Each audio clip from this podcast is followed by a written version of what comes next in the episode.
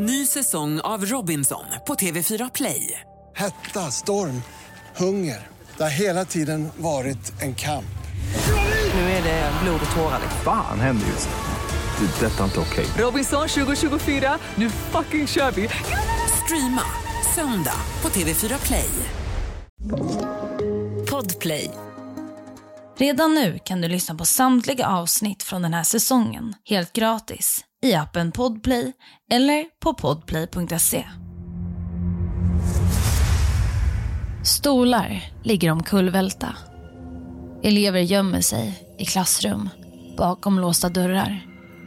Ljudet av skott ekar genom skolans långa korridorer.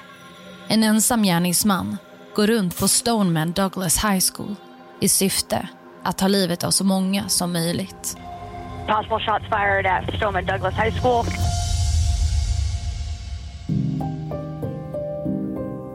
Du lyssnar på Jakten på mördaren. Med mig, Saga Springhorn. Jag vill varna för grovt innehåll i dagens podcastavsnitt. Det är den 14 februari, år 2018, i Parkland, Florida. Alla hjärtans dag. Hundratals elever har påbörjat skoldagen. Lektion efter lektion passerar. Det blir lunch och sen påbörjas ytterligare lektioner.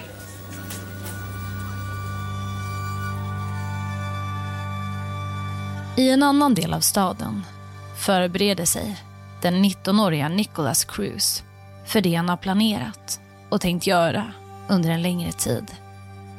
Nicholas har tidigare varit elev på Stoneman Douglas High School. Men på grund av disciplinära skäl hade han år 2017 blivit religerad. Nicholas bokade en Uber klockan 14.06 den aktuella dagen. Ubern anländer och Nicholas hoppar in och ber chauffören att köra honom till Stoneman Douglas High School. Nicholas är iklädd en mörk keps.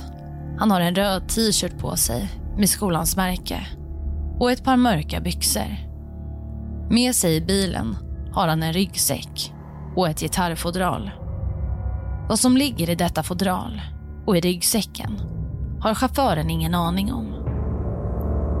Det tar cirka 15 minuter för Ubern att anlända till skolans område. Klockan 14.19 hoppar Nikolas ut ur bilen och börjar gå mot skolans byggnad. Den beväpnade skolofficeren, Scott Peterson, får syn på Nicholas som nu halvt joggar mot byggnaden. Scott känner till Nicholas sedan tidigare. Han vet om Nicholas historia och vet att han blivit religerad året innan. Han är inte välkommen till skolan.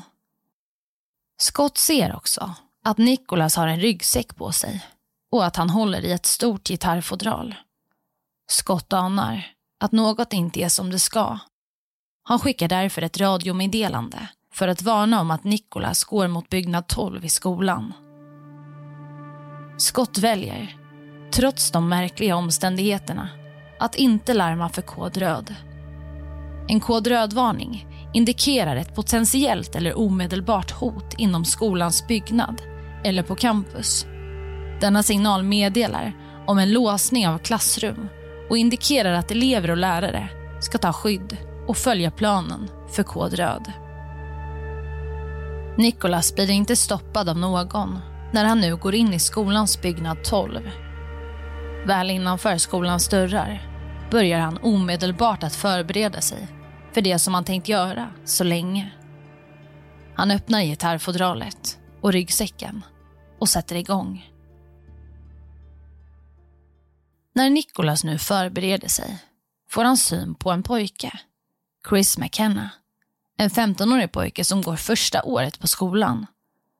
Chris hade fått tillåtelse att gå på toa under lektionstid.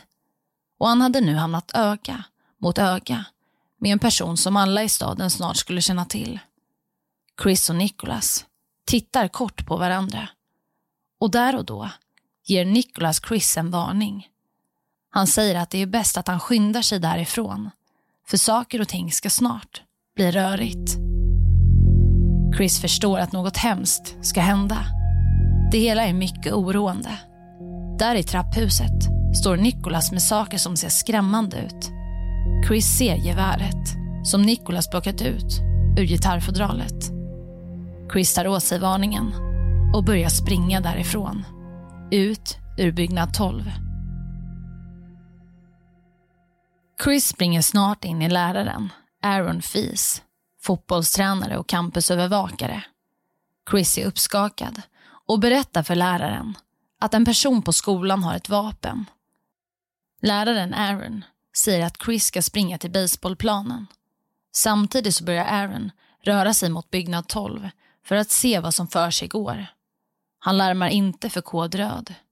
Återigen en miss. Nicholas börjar nu öppna eld. Han rör sig genom byggnaden och skjuter in i olika klassrum. På första våningen avlider tre personer. Utöver det så skadades en person. Skrik och skott ljuder över skolan. Elever och lärare i byggnaden hör skotten. Det är en panikartad situation för dem alla. Rädsla sprider sig genom byggnaden. Nikolas går vidare. Han går till olika klassrum och skjuter rakt in bland elever som sitter gömda längst bak i klassrummet. I klassrum 1215 avlider tre elever. Utanför klassrummet inser Nikolas att han måste ladda om sitt gevär. Därefter går han in i klassrum 1214. Två personer avlider och fyra skadas. Scott Peterson, den beväpnade officeren på skolan, skickar ut ett meddelande över skolan. Han säger att det eventuellt sker en skjutning i byggnad 12. Han är inte riktigt säker på saken, men det verkar som så.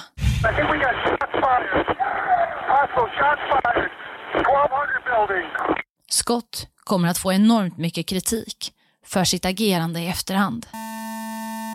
Mitt i allt drar skolans brandalarm igång. Det tjuter högt ur högtalarna och elever och lärare flyr från delar av skolans byggnader. Det är en enorm skola och alla har inte förstått vad som händer. De upprepade misslyckandena med att larma om kod röd blir katastrofala. Nu strömmar det elever och lärare ut ur klassrummen och in i korridorerna. Precis som att de stod inför en brand. Samtidigt så fortsätter Nikolas att gå runt oberörd i byggnad 12. Han tar livet av ytterligare två personer. Och nu larmas polisen för första gången. Nikolas skjuter in i klassrum 1213. Tre skadade, en avliden. Han ändrar nu riktning och fortsätter uppför trapporna. I trapphuset möter Nikolas campusövervakaren och fotbollstränaren Aaron. Han skjuter och Aaron avlider. Nicholas går nu upp för den västra trappuppgången till andra våningen. Det är tomt i hallen och i korridoren. Några lärare, som förmodligen hörde skottlossningen nedanför, hade vidtagit åtgärder för att skydda eleverna. Lärare hade låst klassrummen och täckt över fönstren in till klassrummen för att skytten inte skulle kunna se in. Nicholas skjuter trots det in i två av tio klassrum på våningen. Men ingen skadas. Studenter på tredje våningen är till en början omedvetna om att det finns en skytt i byggnaden och trängs i korridorerna på grund av brandlarmet. När de nu hör skotten börjar de springa tillbaka mot klassrummen. Nicholas skjuter mot folkmassan.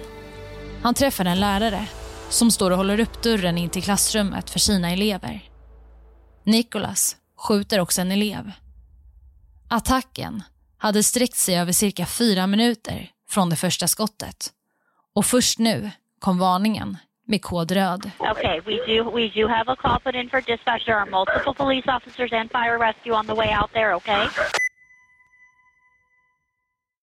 Ny säsong av Robinson på TV4 Play. Hetta, storm, hunger. Det har hela tiden varit en kamp. Nu är det blod och tårar. Fan händer just nu. Det. är Detta är inte okej. Robinson 2024, nu fucking kör vi! Streama söndag på TV4 Play. Ett Ett poddtips från Podplay. I fallen jag aldrig glömmer djupdyker Hasse Aro i arbetet bakom några av Sveriges mest uppseendeväckande brottsutredningar. Går vi in med hemlig telefonavlyssning och, och då upplever vi att vi får en total förändring av hans beteende. Vad är det som händer nu? Vem är det som läcker? Och så säger han att jag är kriminell, jag har varit kriminell i hela mitt liv men att mörda ett barn, där går min gräns. Nya säsongen av Fallen jag aldrig glömmer på Podplay. Nicholas laddar om sitt vapen ytterligare en gång. Elever som står i korridoren, som har försökt gömma sig bakom skåp och dörrar, ser sin chans. De har nu några få sekunder på sig att fly och flera av dem börjar springa. När Nicholas laddat om vapnet springer han efter dem och skjuter. Tre personer träffas och två avlider. Nicholas riktar nu vapnet mot två personer som redan träffats av hans skott. De ligger på marken och Nicholas skjuter dem igen. Därefter skjuter han ytterligare en person som avlider. Det blir hans sista offer. Nicholas går vidare till personalloungen en våning upp. Han har planerat att ställa sig och skjuta genom ett fönster. Han tänker skjuta människor som står utanför skolan. Men glaset är skottsäkert och Nikolas misslyckas med sin plan. Och där stannar vi upp lite. Scott som är den enda beväpnade polisen på skolan gömmer sig bakom pelare och byggnader under skottlossningen. Många menar att hans jobb var att gå in och konfrontera skytten. Andra menar att det inte var hans jobb. Han var tvungen att invänta förstärkning. Men något som är svårt att inte kritisera är hans agerande kopplat till att han ser Nikolas som går mot skolbyggnaden. Nikolas ska överhuvudtaget inte befinna sig på skolans område och Scott kände ju igen honom när han gick från taxin mot byggnad 12. Det som också kritiseras är att ingen larmar för kod röd. Det är något som man borde ha gjort ganska direkt när Nikolas visade sig på campus med det här gitarrfodralet och ryggsäcken. Utöver det kritiseras också polisen i det stora hela. Polisen var nämligen utbildad för att omedelbart gå in i byggnaden och konfrontera skytten.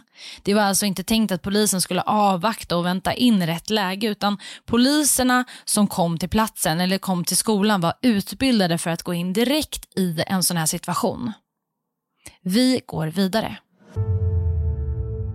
Nicholas går ner till våning tre där han lämnar ifrån sig geväret och ryggsäcken. Han springer ner för trapporna och försöker smälta in i folkmassan. Han försöker se ut som en av eleverna. En rädd person som lyckas fly från skytten. Polisen är nu på plats och börjar gå in i byggnad 12. Det är alltså cirka 12 minuter efter att första skottet avlossats. Och nu är Nicholas inte längre på skolområdet. Klockan 14.50 går Nicholas in på Walmart och sedan in på Subway för att köpa en dricka. Han går sen vidare till McDonalds och sätter sig vid ett bord och pillar på mobilen. En pojke sätter sig in till Nicholas. Han är syskon till ett av offren som Nicholas precis skjutit. Men den här pojken har ingen aning om att det är Nicholas som är skolskytten. Nicholas och pojken snackar lite innan Nicholas reser sig och går iväg. Kort därpå får en polisman syn på Nicholas och tycker att han stämmer överens med gärningsmannens signalement. Nicholas grips. Det finns videoupptagningar från det här gripandet. Nicholas säger att han ser demoner. Han hör röster. Vi lyssnar. What's going on? What's going on today, bro? Uh, the de- demons, man. Demons? Voices. Yeah, no problem. Voices. Voices and demons? Where's the voices? What the fuck? Where the fuck am I? Holy sh- What happened? Shut up. Just be quiet, man. Shut up. Klockan 15.53 så har alla elever och personal evakuerats från skolan. I förhör erkänner sig Nicholas skyldig till dådet. Han dödade 17 personer, lärare och elever. 12 offer dog inne i skolbyggnaden. Tre dog strax utanför byggnaden och två avled på sjukhus. Och många har efter den här attacken frågat sig om det fanns varningssignaler. Tecken på att Nicholas eventuellt planerade att utföra den här typen av dåd. Vi spolar tillbaka i tiden. Nicholas föddes år 1998, den 24 september. Nicholas biologiska mamma var kriminell och hade ingen lust att ta hand om Nicholas. Under graviditeten hade hon nyttjat både narkotika och alkohol. När hon var höggravid med pojken i magen hade hon arresterats av polisen för kokaininnehav. Den biologiska mamman hade arresterats många gånger förr. Hon var mycket känd för polisen. Nicholas adopterades av Linda och Roger Cruz. De såg fram emot att ha en stor familj. Tre år senare fick Nicholas biologiska mamma ett till barn, Zack. Även Zack adopterades av Linda och Roger. Pojkarna skulle växa upp tillsammans, bli en del av Linda och Rogers liv och varandras. Linda och Roger hade det mycket bra ekonomiskt. De bodde i Parkland i ett stort hus. Skolorna i Parkland var kända för sin höga kvalitet. Det här skulle bli ett bra område för pojkarna att växa upp i.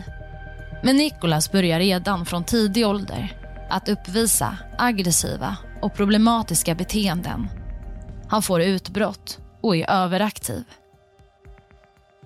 Linda och Roger tänker sig att pojken kanske led av ADHD. Åren går och Linda och Roger gör sitt bästa för att ta hand om de två pojkarna.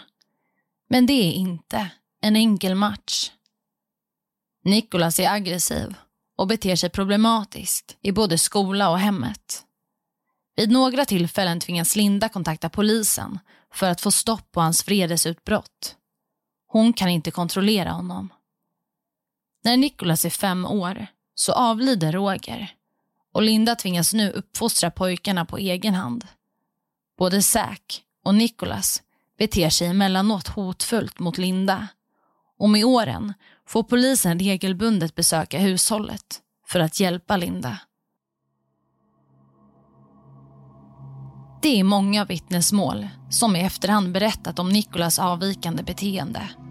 Grannar, bekanta och vänner till Nicholas.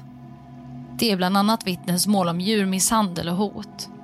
Nicholas hade blivit relegerad från flera skolor under sin uppväxt. Det hela resulterade i att Nicholas fick börja studera på en specialskola. En skola som var specialiserad på barn med beteendesvårigheter. När Nicholas studerat vid specialskolan började han senare gymnasiet på Stoneman Douglas High School. Men Nicholas blir snart relegerad från gymnasieskolan. Han skriker på elever och lärare, gör sönder fönster, drar igång brandlarm och beter sig hotfullt. Han hade fått flera chanser, men till slut tog rektorn beslutet om att helt och hållet avfärda Nikolas från utbildningen. Både lärare och elever hade lite lätt samtalat om att Nikolas var en potentiell skolskjutare. Han var en sån person som skulle kunna utföra ett sådant dåd.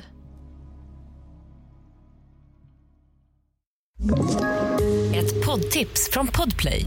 I fallen jag aldrig glömmer djupdyker Hasse Aro i arbetet bakom några av Sveriges mest uppseendeväckande brottsutredningar. Går vi in med hemlig telefonavlyssning och, och då upplever vi att vi får en total förändring av hans beteende. Vad är det som händer nu? Vem är det som läcker? Och så säger han att jag är kriminell, jag har varit kriminell i hela mitt liv men att mörda ett barn, där går min gräns. Nya säsongen av Fallen jag aldrig glömmer på Podplay. När man undersöker Nicolas tidigare sökhistorik på Google får man upp skrämmande sökningar. Han har sökt på skolskjutningar från tidigare attacker mot skolor, sökt på halshuggningar, läst dokument och domar från tidigare skolskjutningar, hur man tillverkar spikbomber och mer därtill. I november 2017 avled Linda till följd av lunginflammation.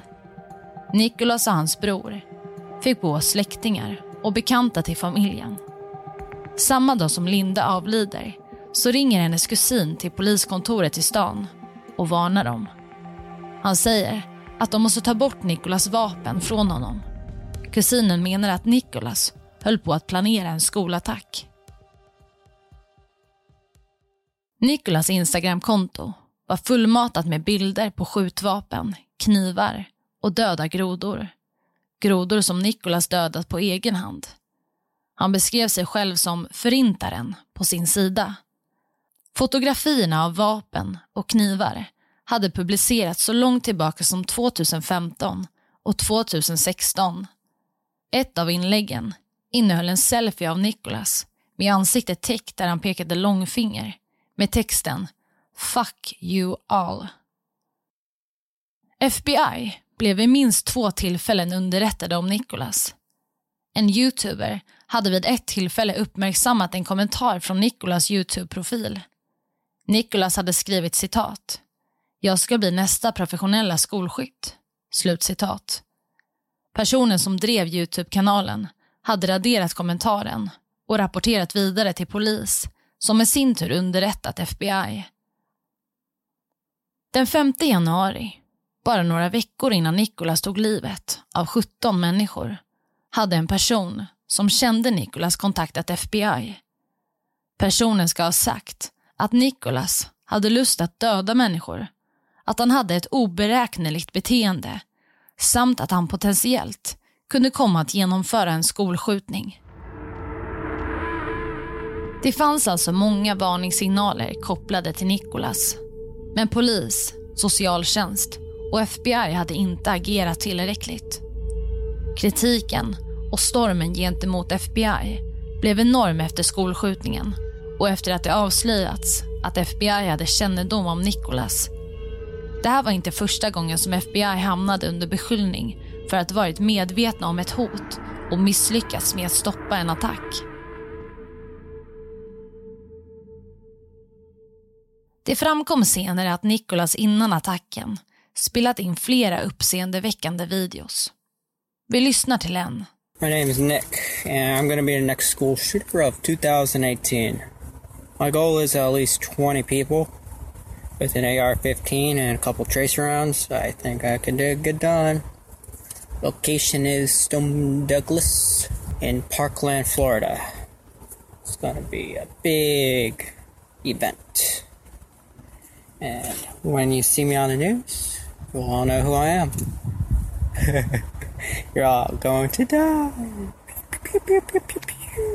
Nicholas säger att han heter Nick och att han ska bli nästa skolskjutare år 2018. Han säger att han har som mål att döda 20 personer. Det ska bli ett stort event. Han säger, när du ser mig på nyheterna så vet du vem jag är. Vapnet som Nicholas använde under attacken var en Cruise AR-15, halvautomatiskt gevär. Han inhandlade geväret februari 2017 i en vapenaffär i Coral Springs.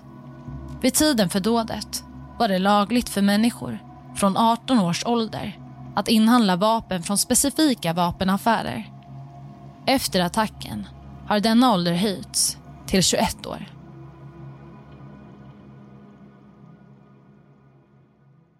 I förhör säger Nicholas att han försökt ta sitt liv flera gånger.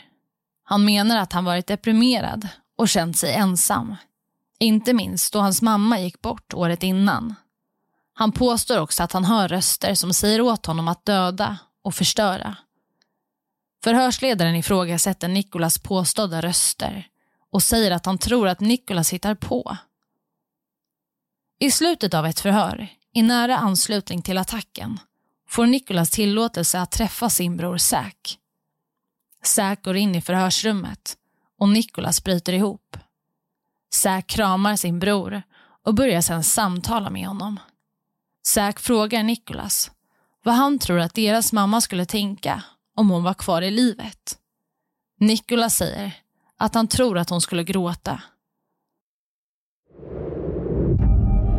År 2018, den 7 mars, åtalas Nicholas för 17 fall av första gradens mord och 17 fall av försök till första gradens mord. Den 13 mars framkom det att åklagaren hade för avsikt att begära dödsstraff för Nikolas brutala brott. Rättegången drar igång år 2022 och Nikolas erkänner sig skyldig på alla punkter. I rättssalen ber han om att få göra ett offentligt uttalande. Det lät så här. I am very sorry for what I did, and I have to live with it every day. And that if I were to get a second chance, I min do everything in my power to try to help others. And I am doing this for you, and I do not care if you do not believe me. And I love you, and I know you don't believe me, but I have to live with this every day. And it brings me nightmares, and I can't live with myself sometimes. But I try to push through because I know that's what you guys would want me to do. I hate drugs, and I believe this country would do better if everyone would stop smoking marijuana and doing all these drugs and causing racism and violence out in the streets. I'm sorry, and I can't even watch TV anymore. And I'm trying my best to maintain my composure, and I just want you to know I'm really sorry. And I hope you give me a chance to try to help others. If, we, if I believe it's your decision to decide where I go and whether I live or die, not the jury's. I believe it's your decision. I'm sorry. Vittnen och anhöriga får ordet i rättssalen.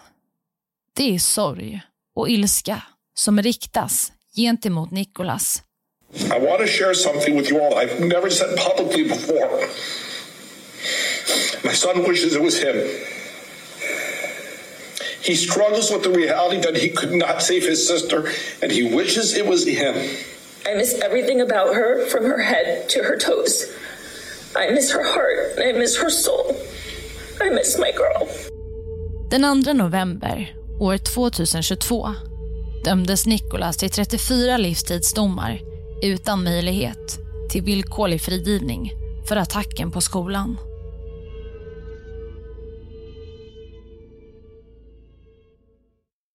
Alla de elever och lärare som befunnit sig på skolan under attacken kommer att ta med sig hemska minnen och bilder för resten av sina liv.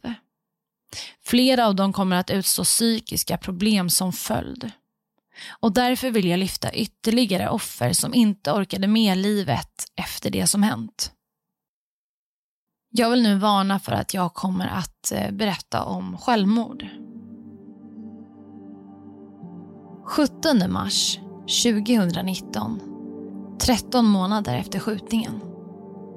19-åringen Sydney Alo hade överlevt attacken men hon hade psykiska problem och PTSD efter det som hänt. Hon kämpade med att dyka upp i skolan. Sydney tog livet av sig efter att ha kämpat med psykisk ohälsa i flera månader. Hon var livrädd för att vara i ett klassrum. En vecka senare tog ytterligare en person livet av sig. En 16-årig pojke som liksom Sydney överlevt skolattacken. Och där kommer jag att avsluta dagens podcastavsnitt. Om du vill komma i kontakt med mig så kan du skriva till jakten eller skriva till mig på Instagram där jag heter Saga Springcorn. Tack för att du har lyssnat. I nästa vecka av Jakten på mördaren kommer du att få höra om fallet Diane Downs. Den 19 maj år 1983 kommer mamma Diane Downs in till akutmottagningen i Springfield med sina tre barn. Diane och de tre barnen är allvarligt skadade. Och frågan som alla ställer sig är, vad har egentligen hänt? Om du inte vill vänta och vill lyssna på avsnittet redan nu så kan du göra det helt gratis i appen Podplay eller på podplay.se. Podplay, en del av Power Media. Ett poddtips från Podplay. I podden Något Kaiko garanterar östgötarna Brutti och jag, Davva, dig en stor dos skratt.